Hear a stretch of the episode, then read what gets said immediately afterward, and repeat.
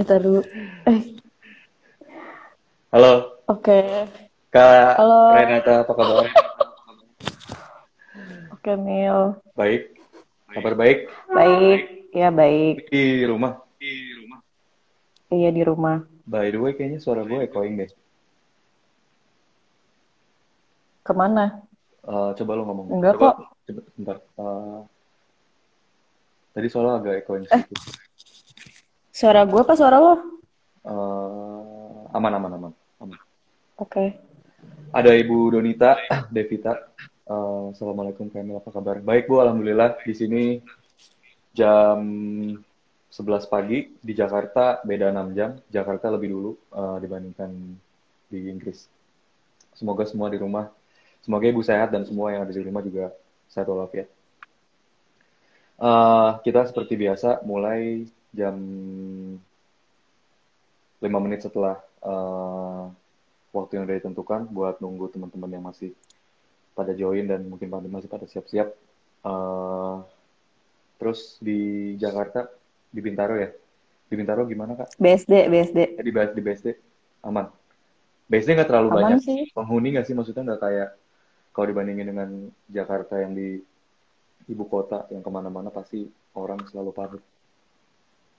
Iya sih, lagian selama di BSD juga kan... eh eh, ini ngomongin gue apa saya ya? Ngomongnya saya dong Kak. Oke, selama di... selama di BSD kan eh, paling keliling-keliling kompleks doang. Hmm. Jadi eh, nggak tahu sih kondisi sekitar yang orang-orang hektik kerja atau gimana nggak nggak kelihatan. Hmm, hmm, hmm. Tapi eh, kerjaan sendiri aman, masih dari rumah work from home. Masih Atau masih dari rumah. Masih dan dari belum ada hilalnya sih eh, return ke office-nya itu kapan. Karena walaupun udah harusnya udah bisa balik ke office karena new normal, mestinya tetap masih harus take care juga nggak sih? Dalam artian belum belum belum terlalu urgent kalau memang ter- memang harus semuanya dilakukan di kantor lagi gitu. Dan sebenarnya selama Hmm. tiga bulan kemarin fine fine aja kan? Nggak ada yang nggak ada yang terhambat kerjaan. Ya mungkin ada sesatu dua hal yang harusnya bisa kita Hmm. lakukan di kantor tapi karena ada covid akhirnya jadi tertunda. Tapi itu nggak nggak apa ya nggak nggak melunturkan semangat atau nilai dari kerja itu sendiri kan sih? Dan Enggak sih, soalnya kalau kerjaan juga kan eh, sekarang udah apa-apa virtual gitu. Betul. Dan nggak nggak kelihatan lagi urgensinya untuk ke kantor. Betul Palingan kalau meeting-meeting sama partner aja kalau memang partnernya request untuk ketemu betul eh, meeting secara fisik gitu. Tapi selama ini sih belum ada kayak gitu. Dan untuk travel pun kita kan juga masih dibatasin ya. betul Nggak bisa travel ke mana-mana jadi ya kayak kerja di rumah atau di kantor sih masih betul kelihatannya sama aja. benar karena dengan adanya pandemik jadi belajar banyak bahwa hal-hal yang selama ini nggak pernah kepikirkan atau kita selalu mikir nggak mungkin tuh jadi mungkin sih kayak di sini sekolah Hmm. eh, saya lagi sekolah juga eh, nggak pernah kebayang sih kuliah bakal online semua terus interaksi semuanya jadi online. Yang awalnya mungkin kayak aduh nggak bisa nih kalau misalkan online semua. Pasti kayak sesinya nggak bakalan jalan. Atau ada poin-poin ketika diskusi yang misalkan nggak mungkin bakal kita bisa cover kalau nggak ketemu secara fisik. Tapi ternyata pas sudah dijalanin bisa-bisa aja. Tapi memang balik lagi sih kotak fisik em, tetap penting. Eh, cuma di dalam kondisi sekarang at this point kayaknya emang the best untuk kita ngelakuin semuanya online sih. Hmm. meminimalisasi risikonya juga dan dan dan memanfaatkan teknologi sih. Jadi Ya, nilai plusnya orang-orang plusnya yang gaptek sekarang jadi betul. Jadi mau nggak mau jadi harus mau nggak belajar mau harus teknologi. belajar teknologi yang tadinya nggak bisa video Ah, call jadi mau nggak mau bisa yang tadinya mungkin nggak pernah pakai Skype atau Microsoft Teams atau Zoom untuk uh, ngobrol dan lain segala macam akhirnya mau nggak mau jadi bisa ada Bu Dona sedih hmm, Petra masih ditutup kasihan anak-anak bosan main di rumah. Betul saya juga uh, masih Iya. kontak-kontak sama pengelola Air Petra. Uh, memang masih mengikuti aturan gubernur setempat.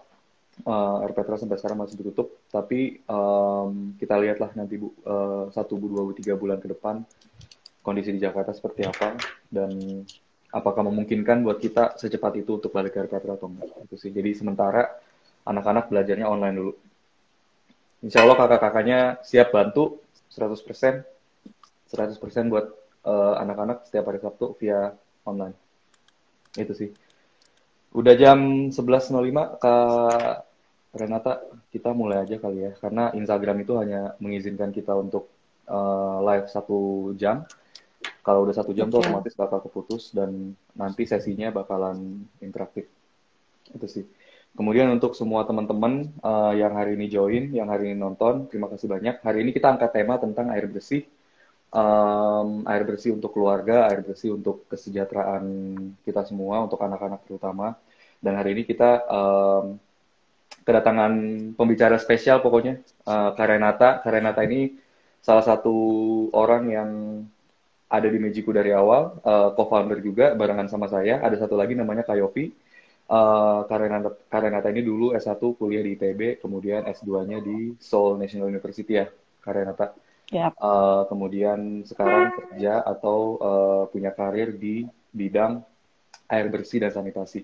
Jadi ilmunya insya Allah bermanfaat dan um, selamat menikmati yang tadi saya bilang sesinya interaktif. Kalau ada yang mau ditanya silakan. Nanti akan kita bacain dan akan kita diskusi. Kemudian kalau ada yang mau um, sharing-sharing silakan. Nanti kita bacain juga di di di tengah-tengah sesi. Oke? Okay? itu sih Karenata dan buat teman-teman semua yang nonton. Uh, mungkin waktu dan tempat saya persilakan karena saya di sini hanya jadi moderator. Pembicaranya adalah Kak Renata.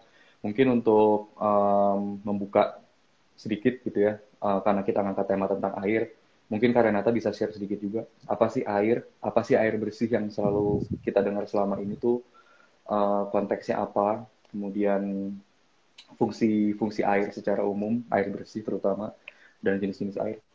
Silakan. Oke, sebelumnya uh, saya mau special mention dulu buat teman saya yang udah ngebrief uh, dan hasil diskusi juga makanya ini bisa keluar materi seperti ini karena sebenarnya background saya tuh bukan di teknik lingkungan gitu kan uh, hanya memang kerjaan uh, kita di bidang air minum dan sanitasi. Special mention untuk yang udah join ini ada Aryani Subagjo. Namanya sebenarnya Sofi dia itu uh, lulusan teknik lingkungan ITB juga satu S2-nya dan uh, jadi dosen juga sempat. Jadi uh, thanks to Sofi. Okay. Um, untuk mulai nya gimana? Emil mau nanya atau saya juga? Uh, mungkin Karenata bisa sharing juga sih. Sharing awal uh, fungsi air secara umum apa, jenis-jenis air apa, kemudian air bersih secara general itu seperti apa? Untuk pengetahuan okay, sebelum nanti kita masuk ke tema berikutnya. Oke, okay, uh, se sebelumnya uh, ini aja sih mau me sedikit me apa ya, bukan meluruskan juga.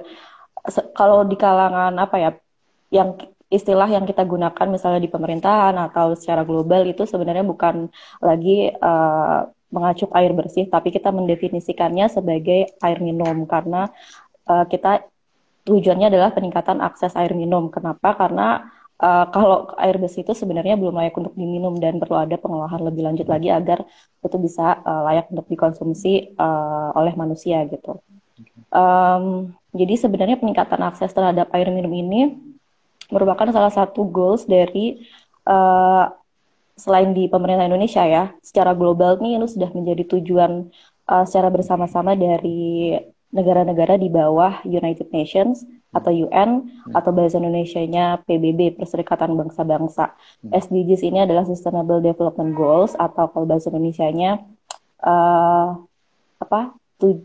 goals untuk menuju uh, pembangunan yang berkelanjutan gitu ya. Nah ini SDGs ini sudah berlangsung sebenarnya dari tahun 2016. Uh, eh, kelanjutannya dari Millennium Development Goals atau S, uh, eh, MDGs yang berakhir di 2015. Jadi um, mm, SDGs ini kita uh, kita harapannya bisa mencapai target-target yang di bawah SDGs ini sampai 2030. Hmm. Nah, uh, di SDGs ini kita punya goal sebanyak 17 yang mana air minum itu uh, berada di goals nomor 6 yaitu clean water and sanitation. Kenapa ada sanitation di situ? Jadi sebenarnya air dan sanitasi itu selalu beriringan hmm. karena nggak mungkin tercapai sanitasi yang layak tanpa adanya air, gitu air. kan? Nah, uh, upaya yang dilakukan pemerintah untuk mencapai SDGs itu yaitu meningkatkan akses terhadap layanan air minum yang layak dan aman. Um, layanan air minum yang aman itu sebenarnya di sini saya pakai uh, aman ya.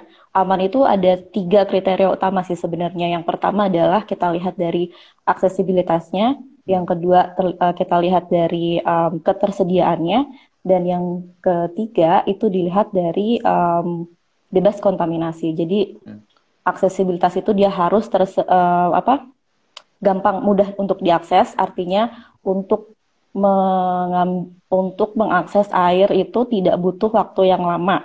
Hmm. Uh, kita nggak perlu jalan jauh. Uh, akses air, air minum itu bisa diakses di dalam rumah kita atau di uh, pekarangan rumah kita.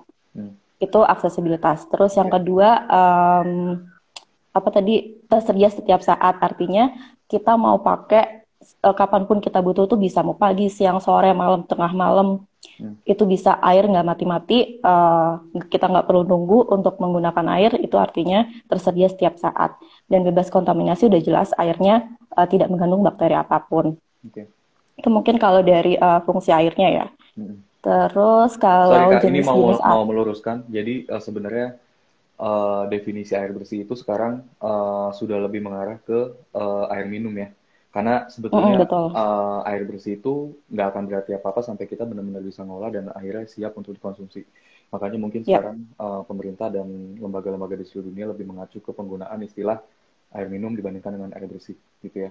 Dan ini mm. sesuai dengan SDG yang tadi Kak um, Renata sampaikan dengan tujuan untuk uh, meningkatkan apa akses air minum yang layak dan aman untuk dikonsumsi juga. Oke. Ya. Bisa dilanjutin nggak? Oke, nah kalau dari jenis airnya, uh, saya coba bikin simpel aja. Jenis air kalau dari uh, sumbernya itu kita simpulkan aja cuma ada dua, uh, itu air permukaan dan air tanah. Kalau air permukaan ya sesuai dengan namanya, yaitu air yang berada di permukaan tanah yang bisa kita lihat lah dengan kasat mata kayak misalnya um, air yang ada di danau, yang ada di sungai, yang ada di kali, uh, di rawa-rawa itu air permukaan. Nah, yang kedua itu air tanah, yaitu air yang berada di bawah lapisan tanah yang perlu upaya untuk kita bisa uh, meng, apa, mengekstraksi mengambil air tersebut gitu ya. Contohnya melalui cara penggalian atau pengeboran uh, seperti itu. Itu dari sumber dari sumbernya.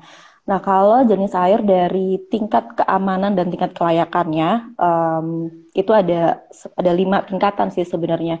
Jadi kalau di um, di JMP ya, kalau tadi saya sebutkan uh, eh, SDGs itu kan uh, program yang diprakarsai oleh uh, UN Nah, kalau IJMP ini sebenarnya juga uh, apa ya namanya Joint Monitoring Program atau program uh, program monitoring yang dilakukan bersama-sama uh, dari UNICEF dan WHO untuk uh, memantau perkembangan peningkatan akses air minum di seluruh negara itu sudah sampai mana sih gitu uh, peningkatan aksesnya. Nah di JMP ini ada namanya uh, tangga air minum. Kenapa disebut tangga? Karena memang dia bertingkat gitu. Ada yang tingkatannya paling bawah, uh, paling bawah itu kita sebut saja tangga nomor satu itu untuk uh, yang tidak punya akses sama sekali sampai ke tangga nomor 5 yang paling atas itu orang-orang uh, yang sudah punya akses air minum secara aman. Jadi aman di sini adalah yang menjadi tujuan kita bersama lah.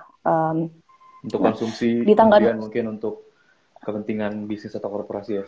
Ah, iya, nah aman itu tadi yang mengacu ketiga kriteria yang udah saya sebutkan, okay. aksesibilitasnya, terus ketersediaannya dan juga bebas kontaminasi. Itu, uh, nah uh, tanggal nomor satu itu tidak punya akses, disebut tidak punya akses jika uh, orang itu orang-orang masih mengambil uh, menjadikan sumber air pertama air utama itu dari uh, air permukaan. Jadi misalnya dia masih ngambil dari danau, dari kali tanpa ada tanpa adanya pengolahan, dia masih ngambil dari situ itu kita anggap tidak punya akses. Okay. Terus ada di uh, tangga nomor dua di ting naik satu tingkat kalau dia sudah punya akses tapi tidak layak. Jadi dia udah nggak uh, pakai air permukaan tuh. Hmm, dia sudah uh, menggunakan sumber airnya itu dari yang uh, misalnya dia pakai air sumur gitu, sumur gali atau dia pakai dari gerobak air. Tapi disebut tidak layak karena tidak terlindungi. Misalnya dia pakai sumur gali tapi sumur sumurnya tidak tertutup, gerobak air tapi gerobaknya uh, apa uh, drumnya itu tidak tertutup. Itu jadi disebut tidak layak karena tidak terlindungi. Okay. Nah, terus yang tangga nomor tiga nih di tingkatan selanjutnya ada uh, punya akses layak tapi terbatas. Sama dia, eh, sorry beda uh, dia sudah pakai sumur, terus uh, misalnya dia pakai keran, tapi ter, disebut terbatas karena butuh waktu lebih dari 30 menit untuk mengakses air tersebut. Jadi misalnya dia uh, sudah pakai keran umum atau sumur tapi kayak sifatnya masih komunal gitu kan biasanya nggak nggak di rumah sendiri jadi jarak dari dia ke dari rumah ke sumber airnya itu membutuhkan waktu bolak-balik lebih dari 30 menit itu hmm. plus sama waktu ngantri disebut nah makanya itu kita sebut terbatas karena masih, masih uh, tidak di, uh, ya aksesibilitasnya ya? masih masih jauh gitu masih lama aksesibilitasnya okay. terus yang tangga nomor 4 dia uh, punya akses layak tapi masih dasar jadi sama seperti yang tadi dia sudah uh, punya akses ke keran umum atau ke sumur, tapi uh, waktu yang dibutuhkannya nih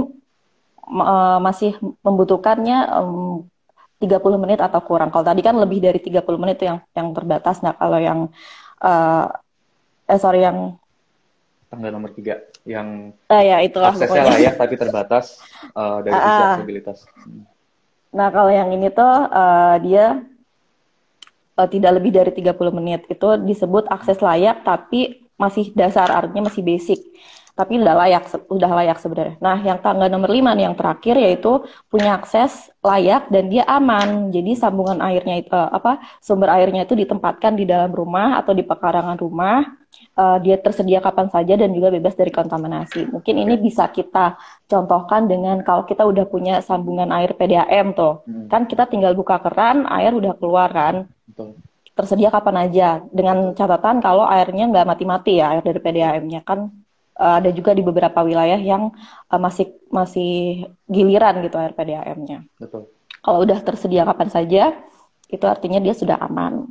Oke, nyambung ke poin uh, tentang tangga-tangga ini ini menarik sebetulnya. Jadi hmm? uh, saya juga baru tahu sih ternyata dari definisi air itu uh, ada tingkatan-tingkatannya, ada tangga-tangganya tangga satu dua tiga empat lima hmm. Dan mungkin uh, untuk kita semua yang ada di Jakarta, saya nggak tahu teman-teman atau semua yang nonton di sini apakah akses terhadap air itu sudah betul-betul ada di tangga nomor 5 atau belum. Tapi yang bisa saya simpulkan hmm. mungkin untuk daerah yang mungkin akses airnya seperti di perkotaan yang di tengah-tengah yang yang memang sudah masuk PDAM tadi yang seperti Kak Renata bilang, hmm. mungkin ada di tangga nomor 5 kali ya. Untuk uh, semua sebenarnya... yang sudah punya PDAM, apakah bisa dikategorikan sebagai um, mereka yang sudah dari tanggal 5 terkait dengan akses air? Bisa iya, bisa enggak. Kalau dia akses uh, apa air PDAM-nya itu enggak mati-mati, artinya sumber air bakunya masih terjaga. Okay. Kalau sumber air bakunya juga dia masih kesulitan gitu, okay. supply-nya masih kurang dan sering uh, mati-mati karena giliran, itu artinya kan uh, akses apa bukan aksesibilitas, tidak bisa tersedia kapan saja kita mau gitu kan. Hmm. Nah, itu berarti dia masih ada di tingkatan yang nomor 4 tuh yang layak belum uh, ke tingkatan aman. Tapi kalau okay. misalnya kita nggak ada masalah air PDAM-nya uh, harusnya sih sudah aman karena uh, kualitas air PDAM itu seharusnya sudah memenuhi standar kelayakan dan aman uh, yang telah diuji sesuai dengan Permenkes. Betul. Oke. Okay. Oke. Okay. Berarti uh, ada tiga poin penting yang tadi disampaikan Karanata terkait dengan penggunaan air minum, air bersih dan air minum yaitu yang pertama hmm. akses, aksesibilitasnya uh, jarak dari kita sampai bisa betul-betul mengakses air tadi kemudian ketersediaan apakah air itu tersedia 24 jam atau kapan pun pada saat kita butuhkan dan yang ketiga adalah bebas dari kontaminasi kontaminasi itu berarti terbebas yeah. dari bakteri-bakteri sehingga layak untuk kita konsumsi minum cuci pakaian kemudian hmm. mandi segala macam itu Hmm. Oke, ini jelas banget sih kak. Ada tiga, kemudian ada lima tangga. Nah mungkin uh, kak, kak Renata bisa sharing juga uh, terkait dengan um, mungkin secara singkat tentang kondisi air di Jakarta karena kita tahu Mejiku kan uh, beroperasi di daerah uh, Jakarta di, di di daerah Gondandia. Nah mungkin hmm. Kak Renata bisa sharing sedikit juga tentang kondisi air di Jakarta sumbernya tuh mayoritas dari mana sih karena mungkin banyak dari kita yang sekarang tuh uh, pakai air ya udah cuma buka keran mandi minum tapi kita hmm. sebenarnya nggak pernah tahu uh, air itu berasal dari mana gitu mungkin Kak Renata bisa sharing sedikit tentang air. Oke, sebelum Jakarta. kita masuk ke kondisi di Jakarta, mungkin saya kasih gambaran dulu nih secara nasional Indonesia tuh ada di titik yang mana sih untuk akses Boleh. air minumnya, Boleh. gitu kan? Jadi akses air minum di Indonesia ini sebenarnya kita belum 100% loh. Kita masih 89,3% persen yang uh, punya akses terhadap air minum uh, layak ya. Ini masih okay. layak loh, masih di tanggal okay. nomor 4 uh, bukan sorry, Kak, 89, bukan aman gitu. 89,3% itu akses di seluruh Indonesia atau akses Iya. apa nih? Akses air di seluruh daerah Indonesia? Akses air minum, eh, masyarakat yang memiliki akses air minum yang layak di Indonesia tuh baru 89,3 persen. Ini data 2017 ya dari JNP. Oke. Jadi artinya ada 10,7 persen eh, orang di Indonesia yang belum punya akses air minum yang layak. Mungkin kalau secara persentase se- 10,7 persen itu kecil kan, tapi karena populasi kita besar, 264 juta, 10,7 persennya tuh ada 28 juta orang di Indonesia loh yang belum punya akses air minum yang layak. Hmm. Perlu diingat ini masih akses air minum yang layak, artinya kita masih yang tangga nomor 4, tangga nomor 5 itu masih sangat jauh lah posisi kita. Hmm. Oke. Jadi awalnya pemerintah Indonesia tuh menargetkan akses air minum 100% layak hingga tahun 2019. Uh, nah, tapi kan 2019 sudah lewat ya dan kita masih di angka segitu. Uh, dan jadi kita perpanjang lagi targetnya uh, dari sesuai dengan RPJMN atau Rencana Pembangunan Jangka Menengah tahun 2020 sampai 2024 kita punya target uh, akses air minum layak 100%, aman 15% nih. Dicatat ya, aman tuh kita target baru target aja itu cuma 15% dan akses perpipaan 30%. Perpipaan tuh maksudnya uh, akses sambungan ke PDAM. Oke. Nah, kalau untuk akses perpipaan atau PDAM ini di Indonesia masih di angka 18,3 persen atau 48 juta orang di Indonesia yang tersambung ke PDAM itu seluruh Indonesia loh. Oke. Entah kalau di Jakarta mungkin sangat kecil ya eh, ininya apa persentasenya. Nah, untuk di Jakarta sendiri kalau saya baca tuh sebenarnya akses ke PDAM-nya mm, masih 40%. Jadi dari dari eh, penduduk Jakarta tuh baru 40% penduduk Jakarta yang memiliki akses ke PDAM. Karena memang eh, di PDAM-nya sendiri ke apa ya mm, kapasitas dia untuk menyuplai kebutuhan air bersih di Jakarta tuh ya baru di angka segitu. Mayoritas di Jakarta masih menggunakan sumber air eh, di luar PDAM, misalnya dari eh, air tanah gitu ya, dari sumur. Hmm. Yang sebenarnya ini kan eh, dianjurkan untuk tidak menggunakan air tanah lagi kalau di Jakarta karena eh, seperti yang kita tahu permukaan air tanah di Jakarta Tanah, tuh ya. eh, tahun lalu itu kan eh tahun lalu setiap tahunnya kan eh, terus menurun ya. Dan Betul. kalau ini terus terus menerus eh, adanya penggunaan air tanah yang berlebihan ini bisa berbahaya bagi Jakarta itu sendiri. Nah, kalau di Jakarta setahu saya sih em, kalau misalnya di wilayah kerja saya kan pernah juga kunjungan ke Jakarta Utara, itu di wilayah Tanjung Priok. Itu mereka eh, ya ironis juga ya, maksudnya di kota besar, kota metropolitan seperti Jakarta yang ibu kota provinsi Indonesia masih masih susah air gitu di di wilayah Tanjung Priok itu. Mungkin di wilayah Jakarta yang lainnya seperti Jakarta Barat juga masih eh, mengalami kondisi serupa. Jadi mereka masih em, apa akses ke PDAM-nya masih sangat sedikit. Mereka harus beli eh, air tiap harinya itu mungkin kalau beli air berapa sih harganya kan pasti jauh lebih mahal dari PDAM ya. Kalau PDAM paling kita sebulan tagihan air nggak nyampe 100 ribu kan, Betul. ya nggak sih? Betul. Kalau yang untuk eh, orang-orang yang harus beli air itu mungkin satu satu kali beli bisa menghabiskan ya, apa dalam konsumsi satu minggu bisa menghabiskan lebih dari 100 ribu. Hmm. Ya, ini sangat ironis sekali sih sebenarnya. Ya. Dan itu eh, ironisnya terjadi di ibu kota gitu ya. Dan kita belum Hmm. ngomongin Hmm. daerah-daerah lain. Jangankan ngomongin yang jauh di Indonesia Timur, di Ya. daerah-daerah sekitar Jakarta yang mungkin aksesnya hanya satu jam pakai mobil atau pakai angkutan darat itu pun masih terjadi gitu. Dan dan Hmm. dan dan ini jadi PR sebetulnya bukan hanya PR buat pemerintah, tapi bagaimana PR ba- bagaimana cara kita untuk bisa ikut membantu pemerintah menangani kondisi yang mungkin belum optimal sekarang. Bisa jadi mung- mungkin eh, kita semua ada di kategori di tangga 4 tadi. Kita punya akses Hmm. eh, akses layak dan dasar tapi butuh waktu mungkin kurang kurang dari 30 menit untuk bisa dapat air bersih tadi. Hmm. Mungkin eh Kak Renata bisa sharing juga nih Kak, apa aja sih mungkin yang bisa kita lakukan di rumah dari hal-hal kecil terkait dengan penggunaan air tadi, misalkan kayak mandi, em, kemudian cuci baju, konsumsi eh, air minum dengan dengan cara dimasak. Jadi mungkin apa, apakah ada eh, saran-saran terkait dengan penghematan air supaya kita walaupun ada di tangga nomor 4 ataupun nomor 5, kita tetap bisa sama-sama eh, ngebantu orang-orang yang eh, mungkin sampai sekarang masih ada di tangga nomor 3 atau nggak punya akses sama sekali Hmm. Hmm. supaya apa ya supaya mereka juga sama-sama punya kesempatan seperti kita eh, untuk bisa punya akses air minum dan air bersih. Oke.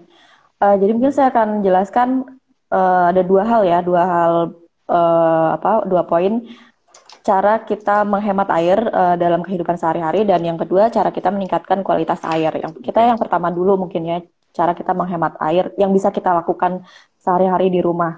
Yang pertama itu dari cuci tangan. Kan di masa pandemi kayak gini justru kebutuhan air tuh tinggi Meningkat, dong ya, ya karena kan kita harus sering cuci tangan gitu kan uh, mau mau apa-apa pasti cuci tangan. Nah, pasti itu saya yakin penggunaan air akan jauh lebih banyak. Nah, cuman yang bisa kita lakukan bagaimana caranya sih ketika kita sering cuci tangan tapi bisa hemat air juga. Betul. Kalau saya lihat-lihat nih uh, orang-orang yang cuci tangan atau kalau saya lihat di video gitu. Jadi mereka selama cuci tangan itu keran air eh keran keran airnya pas lagi nyuci pakai hmm. sabun itu kan selalu selalu dibiarkan mengalir kan. Itu ya? kan hmm.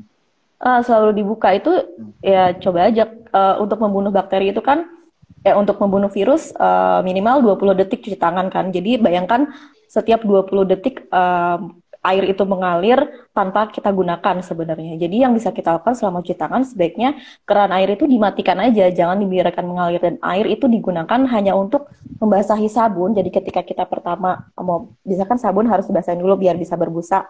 Itu air gunakan sedikit, mungkin satu tetes dua tetes juga udah berbusa. Terus untuk membilas sabun. Okay. Itu yang pertama. Terus untuk mandi, um, mungkin ini uh, saya lebih menyarankan ke orang-orang yang uh, mampu atau yang tinggal di kota besar, misalnya kan sekarang udah banyak orang-orang pakai shower gitu ya. Tapi ada juga orang-orang yang lebih memilih katanya pakai gayung pakai lebih gayung, enak. Cuman ya sebenarnya sebenarnya nih penggunaan shower itu jauh lebih menghemat air, lebih efisien kalau kita mandi pakai shower dibanding pakai gayung karena kita bisa meng menghemat air sekitar 30% gitu. Kalau misalnya kita pakai gayung itu menghabiskan 18 liter, Betul. pakai shower itu hanya 12 liter gitu. Jadi uh, mungkin mau nambahin sedikit saya huh? Uh, tadi kan Renata bilang mandi pakai gayung itu menghabiskan 18 liter itu secara general data dari WHO uh, eh, di dunia di seluruh dunia. Tapi untuk angka Indonesia sendiri, Indonesia dan negara-negara berkembang, mungkin seperti negara-negara ASEAN, Filipina, Filipina, Vietnam, Thailand, dan lain-lain, itu menghabiskan sekitar 24 liter. Jadi kita wow. tuh 6 liter jauh lebih tinggi dibandingkan angka uh, rata-rata global. Iya. Hmm. Ya mungkin juga uh, kita notice dong kalau di Indonesia tuh tipikalnya kebiasaannya mandi sehari dua kali kan yang lebih enak gitu. Kalau di luar kan kalau yang terutama negara-negara empat musim mungkin mandi tuh kayaknya orang-orang tuh jarang ya yang sehari dua kali kan. Tapi saya di sini mandi ya, kok tenang aja. Eh saya nggak bilang. Apalagi kalau winter kan. Iya iya betul. betul. Kalau winter gitu kan biasanya orang-orang jadi lebih jarang mandi. Betul. Oke intinya uh, penggunaan shower itu sebenarnya jauh lebih efisien sih untuk menghemat air. Jadi kalau kita mampu uh, dan ya biasakanlah kita geser sedikit kebiasaan kita uh, agar bisa lebih maju lah gitu. Hmm, setuju. Um, yang kedua kak, ada lagi bentuk poin cara menghemat air? Misalnya kalau untuk yang muslim, kita kan pasti sholat sehari lima kali ya. Yep. Terus kita perlu wudhu kan sebelum sholat. Nah ini yang kalau saya perhatikan juga nih orang-orang wudhu kebanyakan atau mungkin di masjid-masjid juga kalau saya perhatikan tuh kalau wudhu pakai keran tuh kayak kayak mau mandi gitu, kayak bukan mau wudhu. Tujuannya bagus ya, tujuannya memang bagus untuk mencucikan diri sebelum uh, beribadah. Yeah. Tapi terkadang memang saya juga ngelihat um, pemakaian airnya berlebihan sih. Jadi balik lagi semuanya harus bisa dari mulai dimulai dari diri kita sendiri dulu untuk bisa coba menghemat air itu karena kalau nggak ada satu orang yang mulai, kalau nggak ada satu orang yang um, kasih contoh, nggak akan punya dampak ke yang lain juga. Iya betul banget. Hmm sebenarnya kan uh, apa menggunakan air secara berlebihan itu segala sesuatu yang digunakan secara berlebihan kan itu kan juga tidak dianjurkan di dalam Islam ya. Betul. Jadi menghemat air itu sebenarnya ya masuk dalam Salah anjuran satu. agama juga sebenarnya gitu. Kita wudhu nggak perlu lah keran tuh besar-besar, nanti kecil aja tapi udah cukup untuk uh, mensucikan diri gitu. Betul, setuju. Oke, okay, terus uh, Dari, tadi ada dua misal, poin. Uh, ada poin. Oh, Oke, okay, kalau Renata masih mau melanjutkan cara menghemat air? Enggak sih paling uh, kesarinya kayak gosok gigi sama juga kalau gosok gigi kan kita lagi gosok gigi keran tetap nyala. Nah itu ya sebaiknya dimatiin aja kalau emang nggak kepake gitu. Gosok gigi mah gosok gigi aja nyalain keran ya ketika kita mau pakai untuk kumur-kumur. Terus yang terakhir mungkin pas cuci piring juga kan nyalain air kerannya nggak perlu terlalu besar tapi cukup ke, cukup kecil aja tapi cukup untuk membilas sabun dan kotoran. Setuju. Ini itu yang bisa ada. Uh, Jadi intinya untuk menghemat air itu uh, ketika melakukan sesuatu yang kita butuh menyalakan atau mengalirkan air dari keran itu dimatikan gitu ya karena hmm. uh, memang gak ada gunanya juga sih sebetulnya pada saat lagi bersihin piring atau misalkan pada saat lagi um, gosok gigi ketika kita lagi gosok gigi gitu nyalain air karena akhirnya nggak akan kita pakai hmm. juga pada saat lagi kita iya gigi, betul jadi harus ditutup atau dimatikan keran airnya hmm. oke lanjut kak hmm. Oke, itu dari cara penghematan yang bisa dilakukan secara uh, sehari-hari ya. Nah, ini uh, sekarang kita masuk ke cara meningkatkan kualitas air. Jadi sebenarnya kalau air yang paling aman itu adalah air yang disambungkan langsung ke rumah-rumah, yaitu melalui air perpipaan atau PDAM tadi. Karena kualitasnya seperti yang saya sudah sebutkan kan sudah memenuhi standar kelayakan dan aman yang telah diuji sesuai dengan Permenkes. Dan selama persediaan air bakunya terjaga, ini sudah masuk kategori aman karena uh, dia bisa tersedia setiap saat, kecuali dia punya kesulit air bakunya itu sulit untuk uh, mensuplai kebutuhan yang terus-menerus. Itu dan harus apa ada waktu-waktu tertentu untuk uh, bisa ngalir itu air PDAM-nya. Hmm. Itu jadi ya dianjurkan sih kita nyambungnya ke PDAM aja. Terus misalnya di daerah tempat tinggal kita tuh nggak masuk jangkauan PDAM, kita bisa gunakan sumber mata air lain yang tapi ya harus yang terlindungi gitu. Misalnya kita pakai sumur, sumur gali itu harus ditutup. Kalau kita beli air dari gerobak air itu drumnya juga harus tertutup. Atau misalnya pakai penampung air hujan itu juga penampungannya tuh harus ditutup. Nah ini untuk penampungan air hujan ini sebenarnya saya temukan ketika saya kunjungan ke Kalimantan kan uh, Kalimantan itu lahannya lahan gambut ya. ya. Jadi uh, ketika lahannya lahan gambut itu air bersih yang air bersih di lahan gambut itu memang uh, warnanya keruh dan juga uh, ting kadar asamnya itu juga tinggi jadi agak berbahaya untuk dikonsumsi manusia jadi mereka untuk air bersih sehari-hari mereka uh, nampung dari air hujan cuman uh, air hujan ini juga penampungannya tuh harus selalu tertutup agar dia terlindungi gitu bebas dari kontaminasi Betul. Uh, dan mungkin nyambung itu. dengan sharing ke Renata tadi saya pernah ada tugas kantor juga ke Kalimantan ke Palangkaraya dan waktu itu saya pergi hmm. ke site penambangan, sorry bukan penambangan, uh, lahan kelapa sawit di tengah-tengah kebun gitu ya, dan hmm. tinggal di area atau mes um, perusahaan tersebut di tengah-tengah hutan gitu ya, dan cukup kaget sih waktu tahu ternyata air di sana itu yang tadi Karenata bilang keruh itu betul, jadi betul-betul airnya keruh hmm. dan itu kita pakai untuk mandi dan dan yeah. orang yang terbi nggak terbiasa dengan hal-hal kayak gitu dan baru pertama kali mungkin melihat air bersih definisi air bersih sana adalah air dari lahan gambut yang keruh itu cukup kaget sih. Iya, Bang. Betul. Betul. Oke, okay, kemudian uh, ada yang mau ditambahin lagi terkait poin mengatakan Terus um, untuk konsumsi ke dalam tubuh nih yang untuk uh, yang kita minum gitu misalnya atau untuk masak itu sebenarnya di Indonesia ini air minum dalam kemasan itu merupakan pilihan yang paling aman karena kan di Indonesia belum ada tuh uh, saya nggak tahu kayaknya sih belum ada teknologi yang kita buka keran langsung airnya bisa diminum kayak yang di Mungkin di tempatnya di, Kak ya, Emil di tempat saya sekarang udah sekolah, bisa kayak gitu ya. Kita bisa minum langsung dari air keran. Nah, di Indonesia kan belum ada kan yang kayak gitu. Jadi sebaiknya sih untuk minum itu ya, air minum dari dalam kemasan itu yang aman. Kalau misalnya kita nggak punya air minum galon misalnya ya itu kita wajib untuk merebus air minimal 1 sampai 3 menit untuk membunuh bakteri yang terdapat di dalamnya gitu. Kalau misalnya air yang mau kita rebus itu tidak jernih atau ada kotoran, biasanya kan suka ada pasir-pasir gitu ya. Nah itu harus disaring dulu sebelum direbus untuk uh, uh, bebas dari kontaminasi tersebut. Nah sekarang ada juga alternatif dari um, air minum galon atau merebus air. Kita punya uh, ada perusahaan yang menggunakan sekarang mengeluarkan produk namanya water filter yang dijual di pasaran. Nggak uh, tahu boleh sebut merek nggak di sini? Ya, sebut aja nggak apa-apa kak. Oke, contohnya nih ya, contoh produknya seperti misalnya produk Pure It dari Unilever atau Mazava. Itu mereka adalah water filter uh, yang mana si produknya ini bisa menyaring air keran, air sumur, air hujan sehingga dapat langsung dikonsumsi. Jadi begitu dimasukin ke wadahnya, itu air yang keluar itu udah bisa langsung diminum. Nah, alternatif ini sebenarnya bisa menjadi lebih murah untuk jangka panjang daripada harus membeli air galon terus-menerus gitu kan. Ha, uh, kisaran harganya itu setahu saya di angka 300 sampai 500 ribu kalau nggak salah ya. Nah, ini kan kalau kita konversi atau kita hitung-hitung dengan biaya yang keluar untuk air minum uh, apa air galon itu beli bisa 25 galon lah dipakai dalam waktu tiga bulan gitu. Asumsi satu galon harganya 20 ribu dan kita mungkin satu minggu pakai dua galon untuk satu keluarga yang isinya ada lima anggota uh, anggota keluarga. keluarga gitu ya. Kalau saya sendiri kan tinggal berdua aja satu minggu satu galon gitu. Jadi sebenarnya untuk jangka panjang ini bisa jauh lebih murah karena hanya dengan mengeluarkan uang 300 sampai 500 ribu itu bisa digunakan satu tahun, dua tahun atau mungkin Betul. jauh lebih lama dari itu. Betul dan itu hanya satu kali kita beli gitu ya dibandingkan dengan iya, satu kali kita beli. kita beli galon bisa jauh lebih menghemat. Mm -hmm. Terlihat besar di awal tapi kalau kita bagi um, dengan masa manfaatnya itu jauh lebih murah. Mm. Hmm. Ya.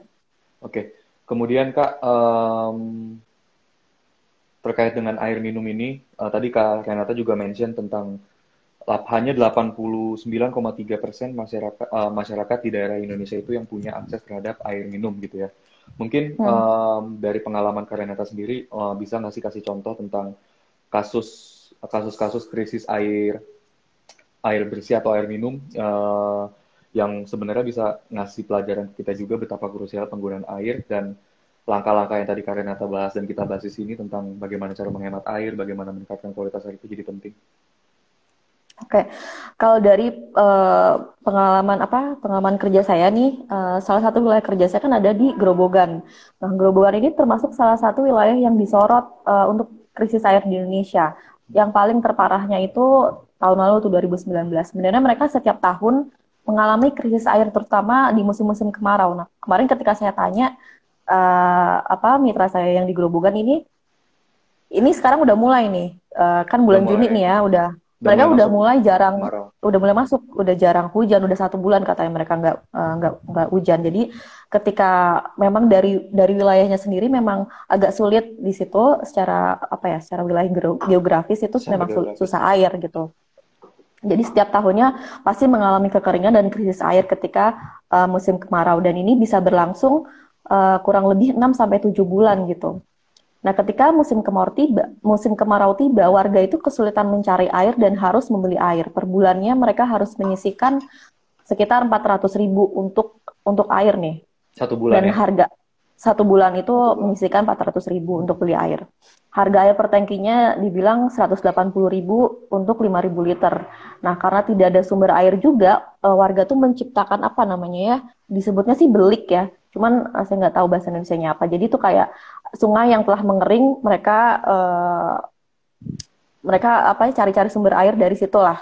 Nah, belik itu lubang-lubang yang digali di dasar sungai untuk mencari sumber air. Tapi lama kelamaan persediaan ya, air dari uh, persediaan air dari belik ini juga menyusut gitu. Jadi ketika warga sudah mengantri dari subuh untuk ambil air dari belik, tapi dapatnya tuh cuma tiga jerigen aja. Tiga jerigen paling itu bisa dipakai kayak sehari juga nggak cukup apalagi kalau anggota keluarganya ada lima orang gitu kan.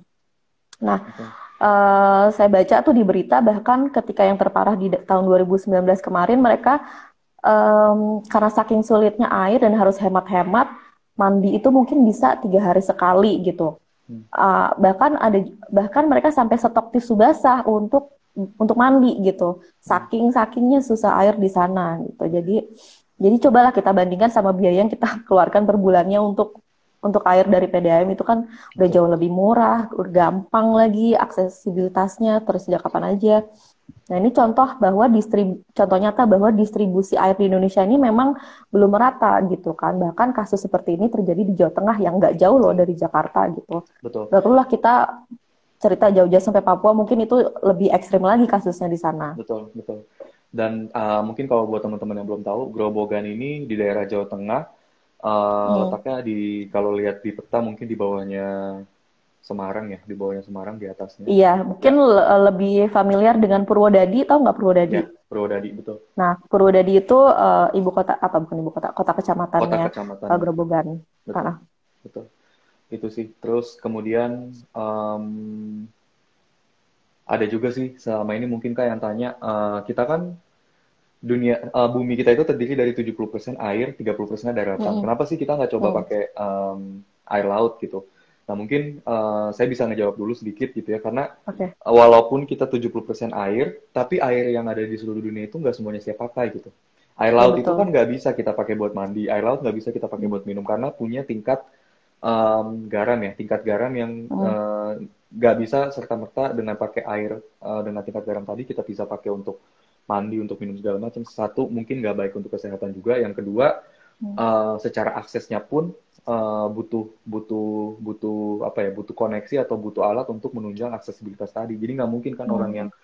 orang yang tinggalnya jauh dari laut eh, kemudian Hmm. kita apa kita kita paksa atau kita minta untuk akses airnya datang datang sendiri ke laut dan sampai sekarang pun belum ada teknologi yang eh, mungkin saya nggak tahu sih mungkin Karenata bisa confirm juga setahu saya belum ada teknologi yang secara komersial bisa dipakai untuk mengolah air laut menjadi air minum atau air bersih yang saya pakai mungkin ada tambahan dari Kak Renata Kalau se, kata setahu saya dan setahu saya sih memang ada sebenarnya teknologi untuk mengolah air laut itu bisa jadi air tawar dan bisa digunakan untuk konsumsi sehari-hari gitu. Namanya uh, reverse osmosis. Tapi itu biayanya mahal banget dan tarifnya mungkin bisa lima kali lipat dari tarif normal. Saya nggak yakin it- di Indonesia kalau diterapkan kayak gitu mungkin uh, biayanya akan sangat mahal ya. Kalau nggak salah itu di wilayah apa sih uh, yang Jakarta Utara tuh yang uh, Tanjung Priok apa sih namanya? Pelu- Pluit ya? Pluit ya? Fluid Fluid yang perumahan-perumahan besar gitu. Oh ya Fluid nah itu itu Pantai kalau nggak salah itu Fluid katanya Hmm. uh,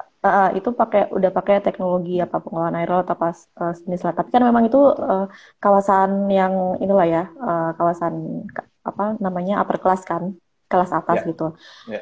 Saya saya punya cerita juga nih yang di Pluit ini. Jadi uh, kakak saya kan uh, kerja di bank. Jadi kan dia kayak punya klien gitu lah ya. Hmm. ketika kunjungan ke kliennya yang rumahnya di Pluit itu sampai Pluit ini kan lokasi dekat laut ya. Jadi pinggir air yang ya digunakan itu uh, air yang digunakan itu pasti asin kan. Jadi ketika dia punya kolam renang, kolam renangnya itu dari pakai air galon gitu. Saking-saking saking-saking airnya tuh memang asin. Hmm. Jadi untuk untuk berenang pun dia harus pakai air galon. oke masih pakai air galon juga ya mungkin karena Nata ada Hmm. beberapa yang tanya nih ya kita belum jawab-jawab pertanyaan ada Kamoya kalau menggunakan air tanah untuk mengkonsumsi sehari-hari aman nggak sih buat kesehatan Oke, sebenarnya untuk aman-aman aja ketika eh, apa kita se- kalau misalnya sumurnya itu kalau sumur kita asumsinya dia sudah kedap ya artinya sudah eh, apa ketika dibangun itu pasti kedap dari bebas dari kontaminasi lah. Terus kalau kita mau gunakan dari air tanah ya tadi seperti yang saya bilang harus direbus dulu untuk mematikan si bakteri-bakterinya itu. oke ini ada pertanyaan juga dari Kak Cia Eh, Kak baik nggak sih kalau air keran itu digunakan untuk keperluan memasak apakah proses memasak akan mematikan kuman dan bakteri secara keseluruhan yang ada di air Tadi mungkin Kak Renata Iya, udah sedikit jawab kali ya. Eh, iya. menggunakan air keran aman, eh, asalkan kita masaknya selama 2 sampai 3 menit atau 4 menit. Mm, Karena mm, tujuan dari memasak em, dengan menggunakan air keran yang mendidih itu tujuannya adalah untuk membunuh bakteri-bakterinya. Dan itu udah terbukti iya. secara klinis sih.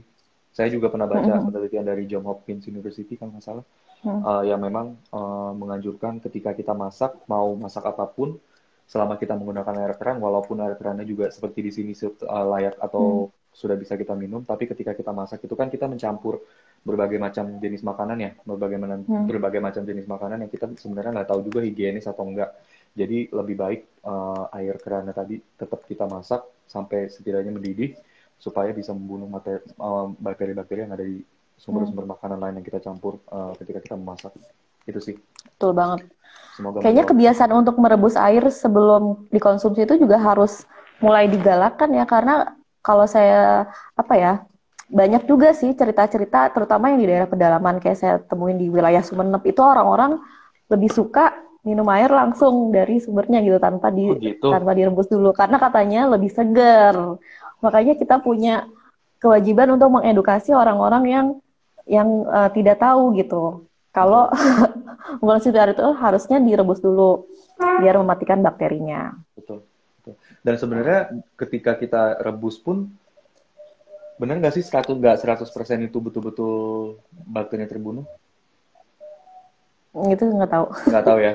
Soalnya saya juga eh, pas baca-baca banyak juga kontroversi eh, ketika misalkan si Job, Job- John Hopkins tadi menunjukkan bahwa air itu aman untuk dikonsumsi setelah kita eh, masak dan sampai mendidih. Tapi sebenarnya ada juga banyak yang bilang eh, kalau eh, ketika kita memasak atau misalkan kita membun- men- mendidihkan airnya itu nggak 100% uh, membunuh bakterinya, tapi at least atau setidaknya kita membunuh hampir sebagian besar bakterinya dan dan Hmm.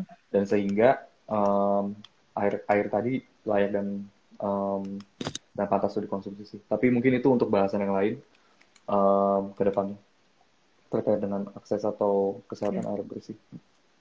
Oke, Kak Renata, um, apalagi ya? Mungkin um, Kak Renata udah sharing banyak banget. Ini saya juga text note banyak banget nih.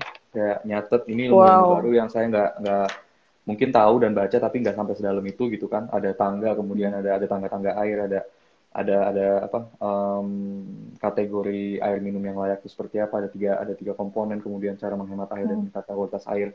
Jadi Kak Renata udah sharing banyak banget.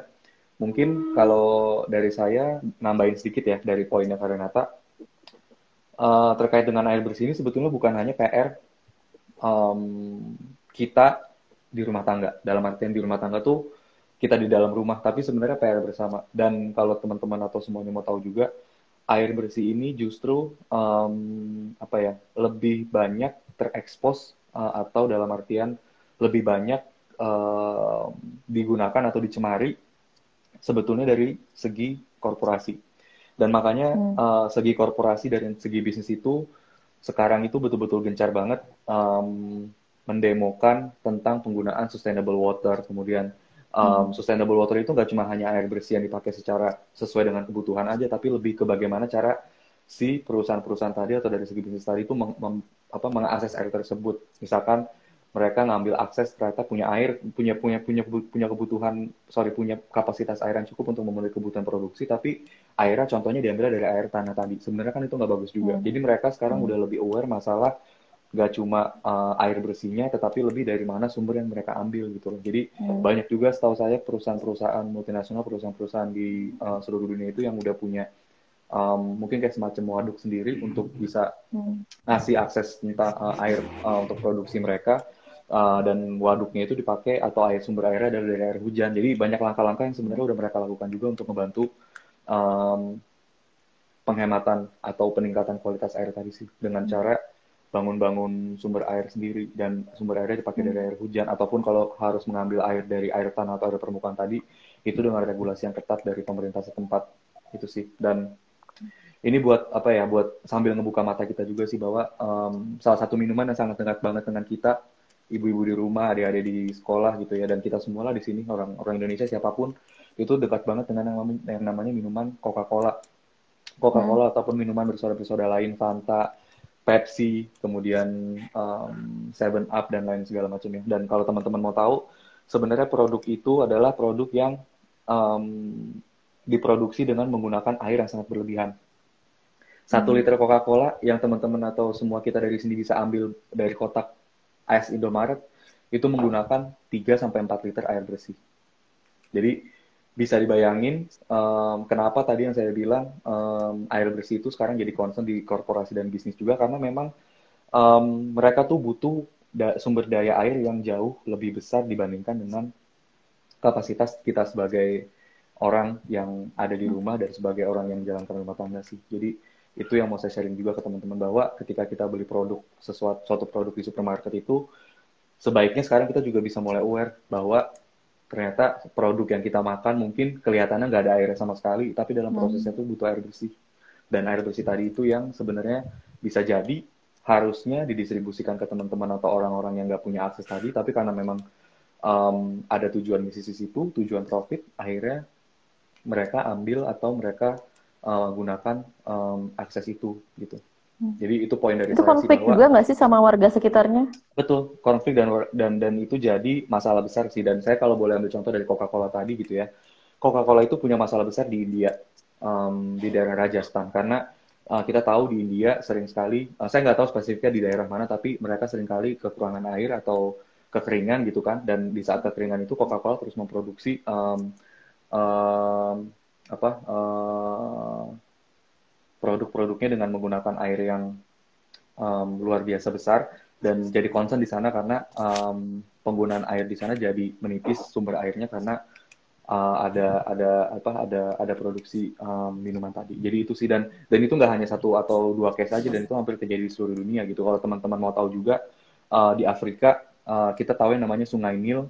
Sungai Nil itu udah ada dari ribuan tahun yang lalu dan ada tiga negara yang um, tergantung dengan uh, sumber daya air dari Sungai Nil. Ada ada Mesir, kemudian ada um, ada Ethiopia, ada Sudan. Jadi tiga negara itu sampai sekarang tuh masih dalam tanda kutip perang, perang dalam artian untuk um, berebut siapa yang sebetulnya punya hak atas air di Sungai Nil tadi. Walaupun mereka sharing, tapi masing-masing negara itu punya klaim tersendiri terhadap akses air karena masalah historical gitu. Jadi itu sih yang bisa saya sharing dari dari segi korporasi atau dari segi um, bisnis. Karena uh, ini masalah yang simple masalah siapa sih yang mikirin tentang air gitu. Kayaknya nggak ada deh. Kayak kita minum juga minum. Yang penting kita minum air tapi kita nggak pernah tahu sebenarnya air hmm. itu sumbernya dari mana uh, sehat atau enggak terus komposisinya apa aja tuh jarang gitu. Jadi semoga adanya sesi ini tuh bisa ngebuka mata kita juga dari kasisi bahwa air itu nggak semuanya lagi dikonsumsi. Makanya penggunaannya harus dihemat dan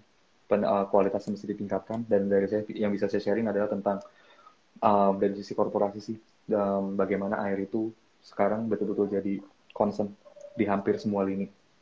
Karena memang aksesnya terbatas. Dan dengan bertambahnya jumlah penduduk gitu ya, bertambahnya jumlah penduduk, negara-negara makin maju, makin berkembang, penggunaan air otomatis akan jauh lebih besar. Jadi uh, yuk sama-sama kita bantu um, masalah air ini dari dalam rumah. Ya nggak sih, Kak? Ya. Oh yang mau nambahin sedikit tadi uh, karena tadi ngomongin korporasi jadi kayaknya tentang pabrik. Kalau misalnya uh, sumber airnya itu ternyata dekat sama limbah buangan pabrik itu kan berarti dia sudah terkontaminasi dengan bahan kimia ya.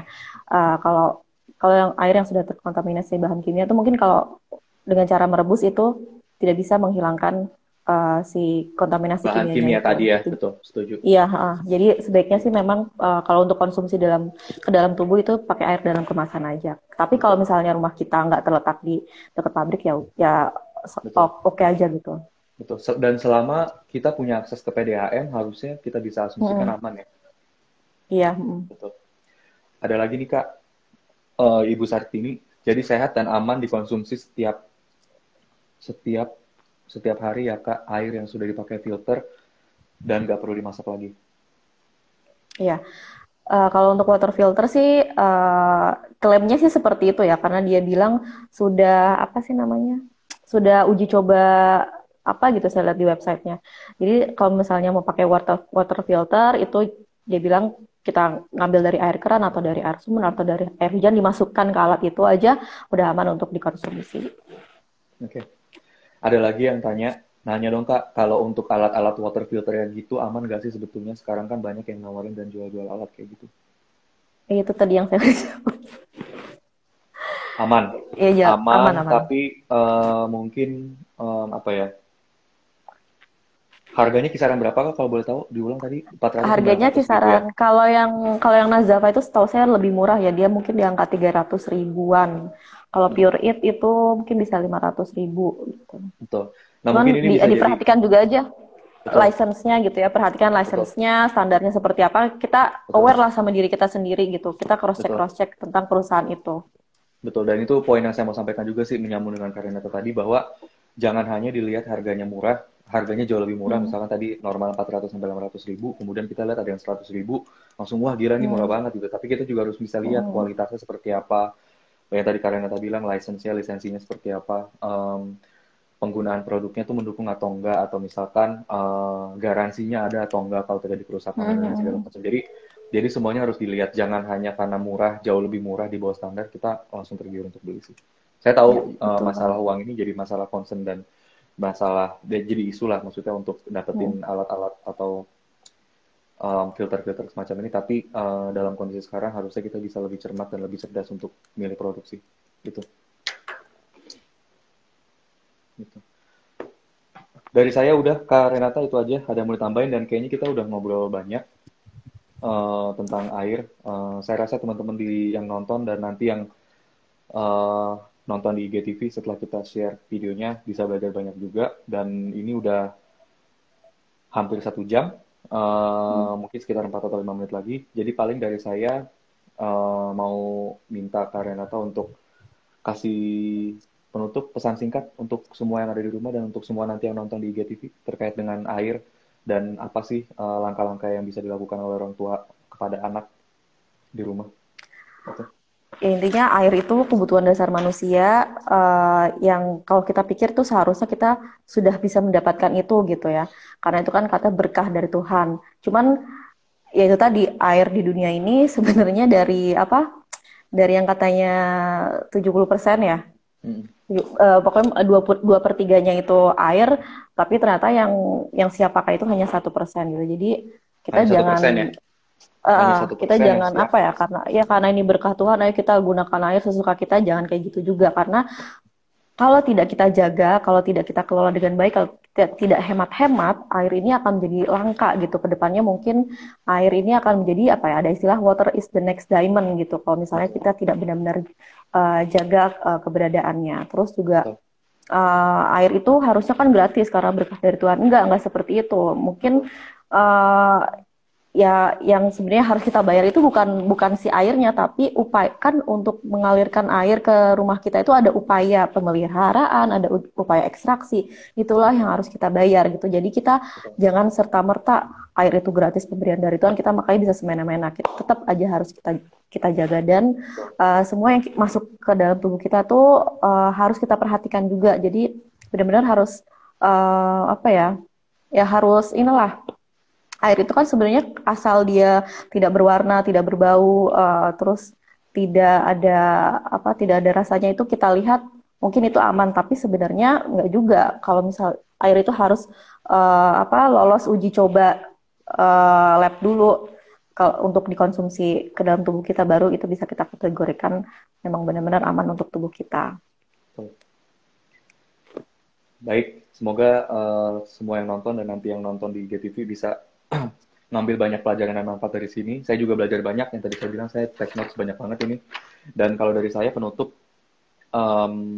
nggak um, ada tambahan dari kata-kata kasih tadi, cuma saya lebih pengen um, semuanya juga sadar ketika kita beli produk gitu ya, jangan hanya lihat uh, harganya murah, tapi kita hmm. lihat juga dampak apa yang si produk itu berikan um, kepada lingkungan gitu dalam artian bagaimana akses mereka terhadap air. Memang ini PR sebetulnya, nggak nggak akan kita kita sebagai konsumer saya paham nggak akan nggak ketika beli produk nggak akan lihat semua sisi, tapi at least dengan setelah nonton atau uh, lihat sesi ini kita bisa mulai sadar juga bahwa barang-barang um, yang kita konsumsi di rumah itu bisa jadi ketika diproduksi atau ketika mereka produksi itu menggunakan air yang berlebihan gitu. Jadi um, saya lebih menekankan masalah tadi itu sih. Jadi sama-sama kita uh, kerja uh, dari rumah uh, terhadap anak-anak, tapi kita juga bisa lebih aware dengan kondisi lingkungan sekitar. Itu sih. Terima kasih Kak Renata. Ini udah diriman sama Instagram. Uh, semoga sesinya bermanfaat. Kita ketemu lagi um, di sesi berikutnya. Nanti akan kita umumin di Instagram lagi. Oke? Okay? Okay. Thank you Kak Renata. Terima kasih semuanya. banyak. Semoga bermanfaat. Bye-bye. Bye-bye. Thank you semua yang udah nonton. Bye.